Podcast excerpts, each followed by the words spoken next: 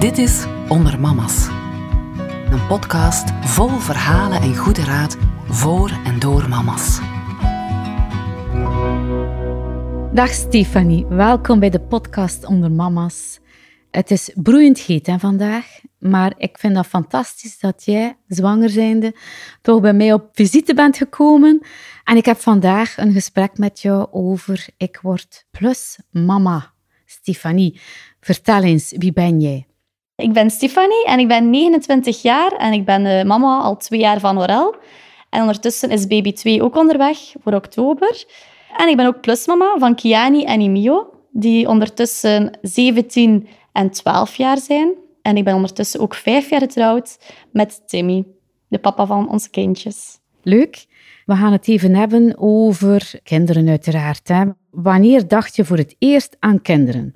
Ha, ja, ik denk zo rond mijn 18 jaar, als je daarover bezig bent met je vrienden of zo, dan zei ik wel altijd van, ja, ik wil later drie kinderen. Dat zat in mijn hoofd en dat ging zo zijn. Oké, je bent daar bezig.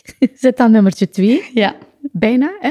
Dus je bent als 18-jarige daar toch wel mee bezig met kinderen krijgen. En dan kom je die ene ware tegen. Ja, wij hebben elkaar leren kennen eigenlijk als ik ook nog maar 20 jaar was. Plots kwam hij in mijn leven en op slag verliefd. Maar er waren wel al twee kinderen ook bij hem. En eigenlijk ging dat zonder over nadenken, als niets. Heb ik die kinderen eigenlijk in mijn hart gesloten. Was dat voor mij gewoon een, een nieuw avontuur waar ik eigenlijk ook helemaal klaar voor was. Omdat die ja, een deel van mijn leven zijn geworden, omwille van Timmy. Kwam je dit eigenlijk al vroeg te weten dat hij al kindjes had? Ja, wij, hij was ook direct open tegen mij. Hij heeft dat direct verteld. Ook misschien een beetje met een bang hartje, omdat ik nog maar twintig jaar was. En hij misschien dacht van, oei, dan gaat ze mij niet meer willen of zo. Maar wij zijn direct open geweest. En ik heb ook direct tegen hem gezegd van, wil je nog kindjes? Omdat ik wel wist dat ik echt wel, ja, zeker kindjes wou. Maar dat was eigenlijk direct duidelijk dat Timmy ook nog kinderen wou. Dus, dus het was een grote cadeau, de ware. En die had dan ook nog twee schattige kinderen mee. Wanneer werden die met jullie relatie geconfronteerd? Ehm, dat heeft niet zo lang geduurd eigenlijk. Wij hebben uh, direct wel contact met elkaar opgenomen, maar heel losjes. En gewoon een leuke namiddag gehad en, niet te veel pushen. En ja, het is eigenlijk allemaal vanzelf gegaan. Dus je bent er zo wat ingetuimeld, hè, als ik het Ingerold, zo hoor? maar dat ging gelijk allemaal, ja. ja. Zoals het al altijd precies geweest was. Alles ging gewoon vlot vanzelf.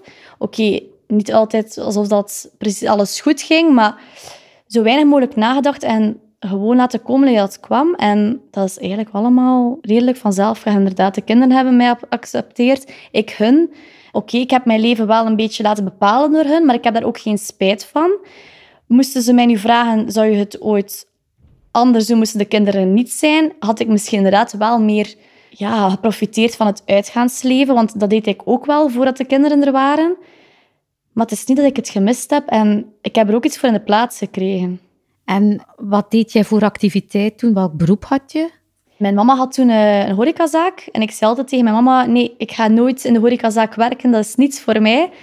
Maar dan ben ik daar eigenlijk ook ingerold. Hoe reageerden jouw ouders? Ik kan heel veel van geluk spreken. Het was wel een moeilijk moment om dat eh, aan te kondigen aan mijn ouders. Want ja, uiteindelijk, uw oudste dochter van 20, ze heeft een vriend. Oké. En dan? Ja, maar hij heeft ook al een kindje. En dan was er nog een vriend bij ons en die zei, en? Ja, hij heeft nog een kindje. Ah ja, dat zegt mijn mama, hij heeft twee kindjes. Ik zeg, ja. Ah ja, dan is het zo, hè. Dus die was heel positief. Dus voor mij was dat ook... Ik heb het gezegd, want ja, uiteindelijk, inderdaad, 20 jaar, zijn wel nog iemand jong. Ja, het verandert veel voor zowel mijn leven als voor hun. Maar ik denk dat Timmy ook dit kan beamen, dat mijn mama en mijn papa ook heel goed voor de pluskindjes zijn. Ja, eigenlijk een beetje als een derde Mimi en Pipi voor hen. Hè. Dus daarin hebben ze ook nog een keer extra liefde, portie plus oma en opa. Ja, dus uiteindelijk verliep het allemaal ook vanzelf. Je hebt het snel gezegd, maar dan hebben jullie nog een hele periode gedate en dan uh, werd het ernstig en dan zijn jullie getrouwd? Ja, inderdaad. Dat was iets waar wij wel af en toe over, zei, allez, over praten in de zetel van eh, schatje, later uh, gaan we trouwen. Hè? En ja, ja, later gaan we trouwen. Maar nooit gedacht dat het eigenlijk vroeger op mijn pad ging komen dan verwacht. En uh, toen, 2 april 2011, Timmy blinddoekte mij. Hij had een verrassing voor mij. Blijkt dat Timmy mij al weken aan het beliegen was dat hij naar de kine moest bij zijn beste vriendin, maar eigenlijk gewoon een flashmob in elkaar had gestoken met al mijn vrienden. En uh, toen ging hij op zijn knie met zijn ring en hij vroeg van, wil je met mij trouwen? Ja, natuurlijk. We zaten in de tijd van ons leven als ja, nog niet mama en papa van ons eigen kindje. Met de pluskindjes ging het supergoed. Ja, de man van mijn leven. Het was voor echt. Ja, voor Aurel zijn we dus dan getrouwd. 16 juli 2012 zijn we getrouwd. Ja. Dat was eigenlijk een heel mooie dag. En dat was precies ja, een tijd in ons leven, de fase dat perfect kwam. Uh, eerst veel mooie reizen gedaan, ons pluskindjes een beetje gesetteld in ons gezin, trouwen en dan gekozen voor kindjes.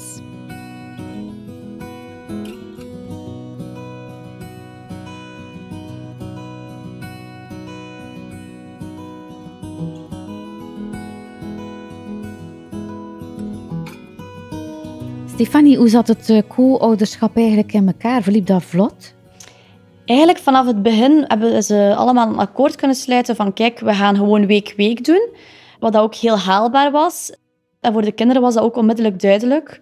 Van kijk, de vrijdag gaan we naar mama en de vrijdag gaan we nu terug naar papa. Als er iets was dat we op reis gingen of er was een kindje ziek, dan konden we dat ook altijd heel gemakkelijk oplossen. Dus ik denk dat dat in het belang van de kinderen wel positief was. Oké. En verliep uh, de afspraken zo met de andere mama's dan? Verliep dat vlot? Ja, alles is eigenlijk wel direct vlot verlopen. In het begin heb ik mij een beetje afzijdig gehouden uh, naar de kinderen toe, omdat ik dacht van, ik moet mij daar niet te veel mee moeien. Maar misschien dat ook ergens mijn plusmama-gevoel naar boven kwam en dat ik daar ook wel voor zorgde. Dat ze ook zagen dat ik daar heel goed voor was voor de kinderen. Betrokken ze mij ook meer bij de afspraken, wat ik ook wel heel leuk vond. Ja, dus het was eigenlijk toch een mooi warm nest dat je aan het creëren was hè, voor de kinderen. Ja, gewoon altijd in het, in het belang van de kinderen denken. Wat dat niet zo evident is uiteindelijk, want ja, oké, je kiest voor de man van je leven, maar je neemt zijn kinderen erbij. In veel situaties zijn er ook dat ja, de plusmama, de pluspapa de kinderen niet aanvaarden. Dan denk ik dat dat in het belang van het kind heel, heel, heel jammer is. En naar de toekomst toe ook. Ik denk dat Emio en Kiani ook later kunnen zeggen van oké, dat ik er altijd voor hen geweest ben en ook in hun belang gedacht heb. Hoe lang kenden jullie elkaar of waren jullie al samen toen dat die liefdesbaby dan uh, gepland werd? Ja, wij praten daar wel eerst over, maar het is niet dat dat direct iets was van we willen dat. Wij genoten echt enorm van elkaar en de weken dat zijn kindjes er niet waren. En ja, er is eigenlijk geen moment gekomen dat ik aan baby's dacht. Dat was echt ik en Timmy, de tijd van ons leven. Wij maakten veel reizen. We gingen veel uit eten, wij pakten ons op wij, wij deden iets. En in de week dat de kindjes bij ons waren, probeerden wij ook altijd uitstappen met de kindjes te doen. Dus onze had eigenlijk wel altijd vol met eigenlijk heel veel leuke dingen. Dat je niet zomaar kan doen als je dan zelf een kindje krijgt die altijd bij jou is. Aurel, die kwam er dan eigenlijk niet echt dat er een leegte was, hè, als ik je zo hoor. Maar waarom dan toch die stap?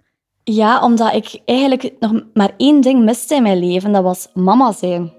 Ik was plusmama, maar ik was geen mama. En ik wou ja, dat gevoel ook meemaken. En oh ja, wij hebben daar eigenlijk nooit echt bij stilgestaan. En ineens hebben wij erover gesproken van... Oké, gaan wij een kindjes beginnen? Of wanneer gaan we dat doen? En dan was eigenlijk Timmy die zei van... Je mag stoppen met je pil. We gaan ervoor. Dus ja, mijn man die het startschot gaf... Uiteindelijk, na drie maanden, waren mijn maandzonden misschien wel een week langer onderweg. En zei ik tegen Timmy, ga misschien toch maar eens een, een, een, test gaan halen.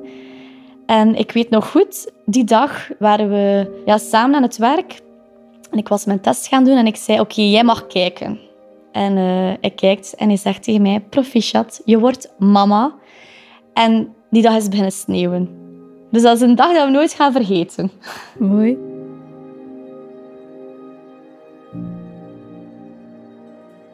Dus die organisatie, die gezinsorganisatie, die verandert dan zo wat? Want oké, hadden jullie daar vooraf ook aan gedacht? Zo, ja? Als wij dan nog een baby erbij nemen, hè? de organisatie met de andere twee kinderen, maar dat gaat wel lukken.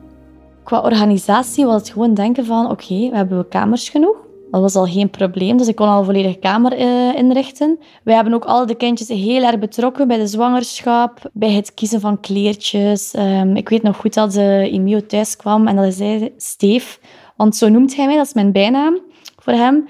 Ik heb een pakje gekocht voor mijn zusje. Ja, dan smelt je weer weg als plusmama ook. Hè. Dan denk je, ah, oké, zo moet het zijn. Want ik zou nooit willen dat Emio en Kiani door de baby afzijdig genomen werden. Nee, ik heb echt ook voor hen ook gezorgd dat we één team waren. En het kon ook helemaal anders zijn, dat ze zich weggecijferd voelden. Of, hè. Maar ik heb er altijd wel proberen in meegaan. En ik weet ook de tijd die ik had alleen met hun, zonder dat ik mama was, heb ik eigenlijk wel ook beleefd als echt mama die ik nu voor Aurel ben en voor ons tweede kindje zal zijn. Ik heb hen evenveel gegeven en ik ben ook ja, blij dat ik dat uit mijn eigen kunnen doen heb. Want ja, oké, je weet dat niet op voorhand. Als je geen mama bent, dan voel je soms minder dingen. Maar ik heb echt wel mijn hart blootgegeven aan die kindjes. En ook wel, er is toch mijn mama gevoel die er toch al wel was door hun. Wat waren dan, als je nu zou terugblikken op jouw ervaringen, de moeilijkste momenten? De moeilijkste momenten, ja, ja struikelblokken zijn ja, bijvoorbeeld, Emio heeft ADHD. Dat is niet altijd gemakkelijk geweest. Ook op school was er een vangnet nodig voor ons, moesten we er meer zijn voor hem. In huis ook was het ook extra druk, waardoor dat het soms op onze relatie wel weegde. Dat we dus iets hadden van, ah, gaat dat altijd blijven duren? Gaat dat nooit beteren? Maar oké, de kindjes worden groter en dat is ook ouderschap zeker. Ja, Absoluut. Ja. Je verwacht het onverwachte. Hè? Voilà, zoiets. En nu verloopt het iets beter nu al? Nu, Aurel is twee jaar met de pluskinderen, met Emio.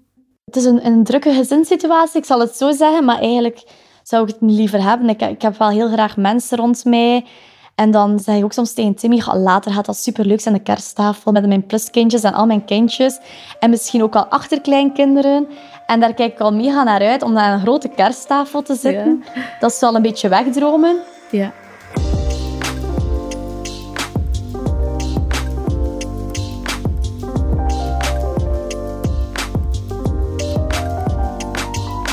Terug naar die zwangerschap van jou. Had jij last van emotionele uh, stress of rollercoaster? Of... Nu zie ik Timmy in mijn hoofd ja knikken. In het begin was het uh, vooral, ja, vooral emotioneel ja, sterker dan mijn eigen. Ik was blij, maar gewoon altijd uit het niets dat ik gewoon een beetje asociaal werd misschien wel.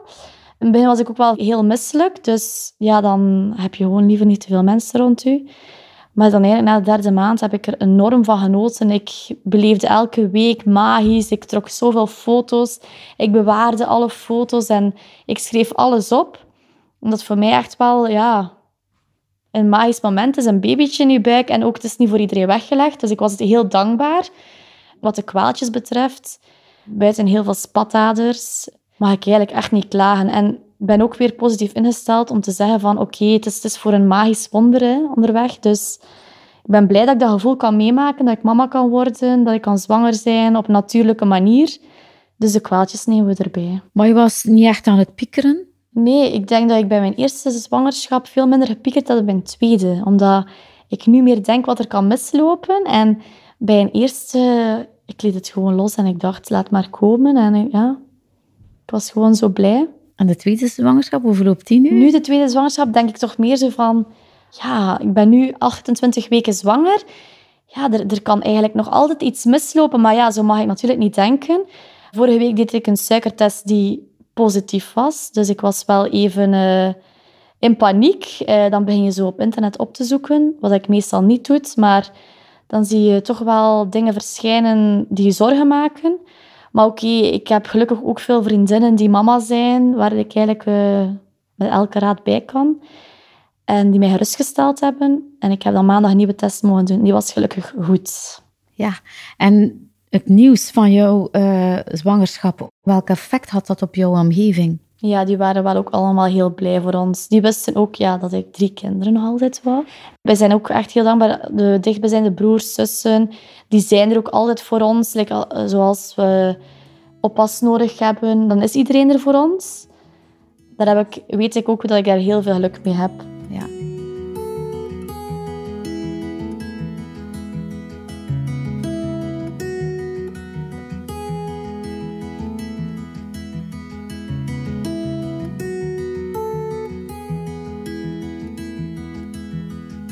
Nog eventjes terug naar het moment. Hè. Je bent dan een sterke vrouw en je hebt ook een uh, intense job.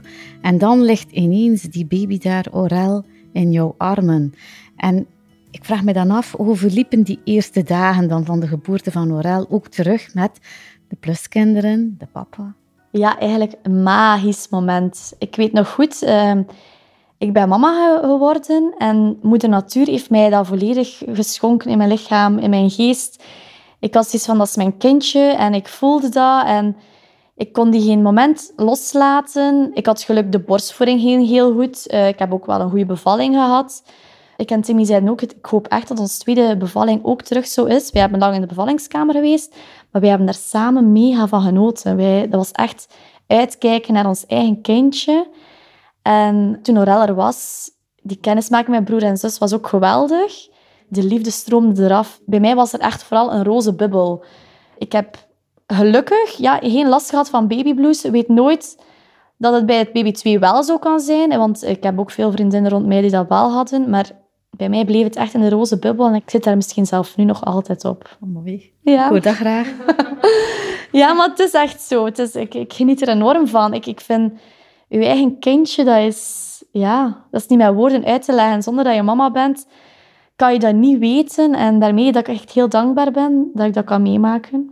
Mooi pleidooi voor het uh, moederschap, hè, Stefanie? Ja, eigenlijk wel. En ja, ik stel mij dan de vraag, hoe gaat de omgeving dan gaan kijken naar jou en je kindjes?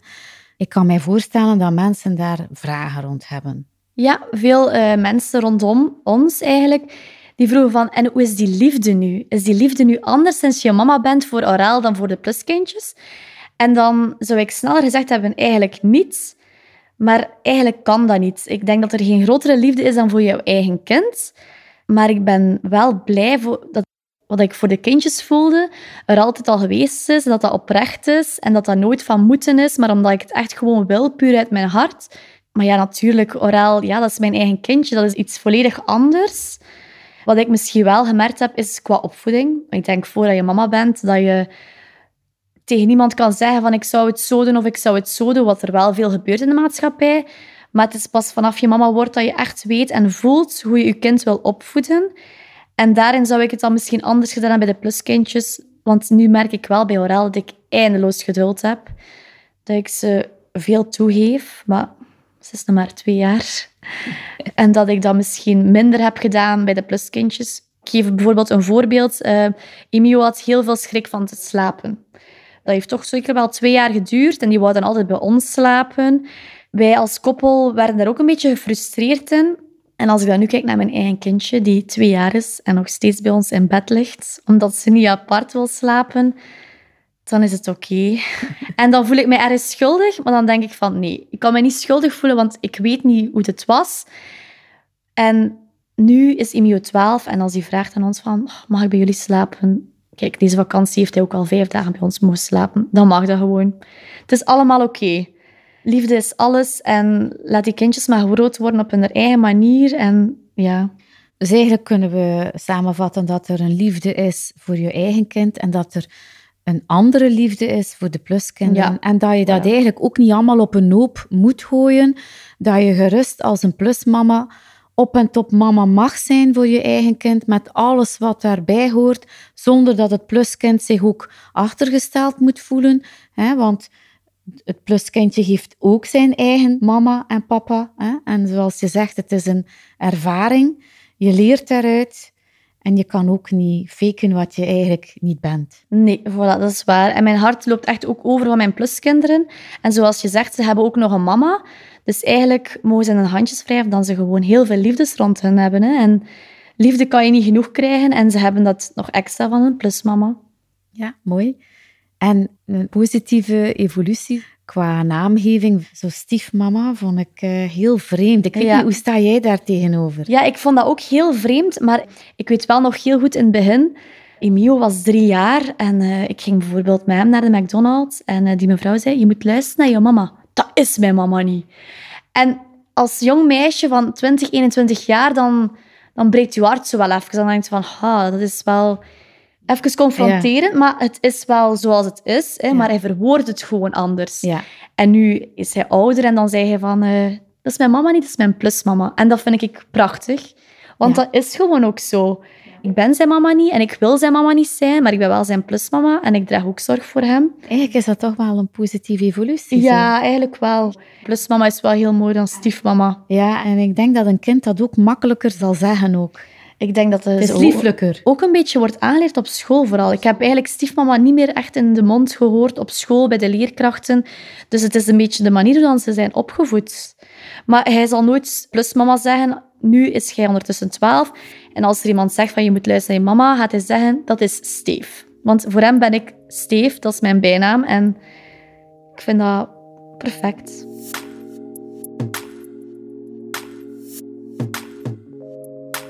Dus als we nu die hele periode van het eh, plusmama worden en die fase in uw leven, als we dit eens samenvatten, hoe zou jij dat dan kunnen samenvatten in een aantal zinnen met vooral de kerngedachten, de kernwaarden die je hebt geïnstalleerd in jouw plusgezin? Ja, de cliché wel van hè, rollercoaster. Wij hebben als gezin echt al een, een groot avontuur gehad met minpunten en pluspunten, waardoor dat we eigenlijk veel bijleren door de minpunten, wat dan weer positief is.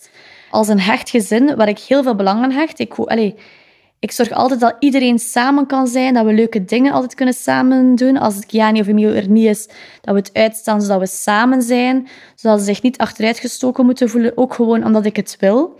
Ik hou enorm veel van foto's, want foto's zijn voor mij echt de beste herinneringen voor later. Nu merk ik wel aan mama zijn dat ik misschien wel heel veel foto's van Aurel heb en minder van mijn pluskinderen. Maar dat is ook weer een fase, want zij worden groter, ze staan niet zo graag meer op foto. Nee, ik vind plusmama en mama zijn, voor mij is dat echt iets positiefs. Ik denk dat ik echt een heel erg moedertype ben, want voor mij is dat alles. Voilà, Stefanie, hartelijk dank voor het eh, openhartig gesprek.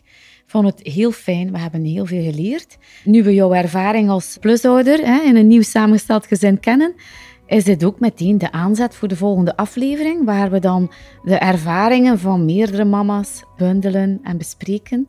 En Want onder mama's leren uit ervaringen. En we horen jou dus terug binnen twee weken. Tijdens de vervolgaflevering gaan we dieper in op alle binnengekomen reacties en vragen van andere mama's. Ik nodig dan ook iedereen en de luisteraars uit om eh, de website Onder Mama's te bezoeken, www.ondermama's.be of stuur gerust een mailtje naar podcast.ondermama's.be. Onder mama's. Leren uit ervaringen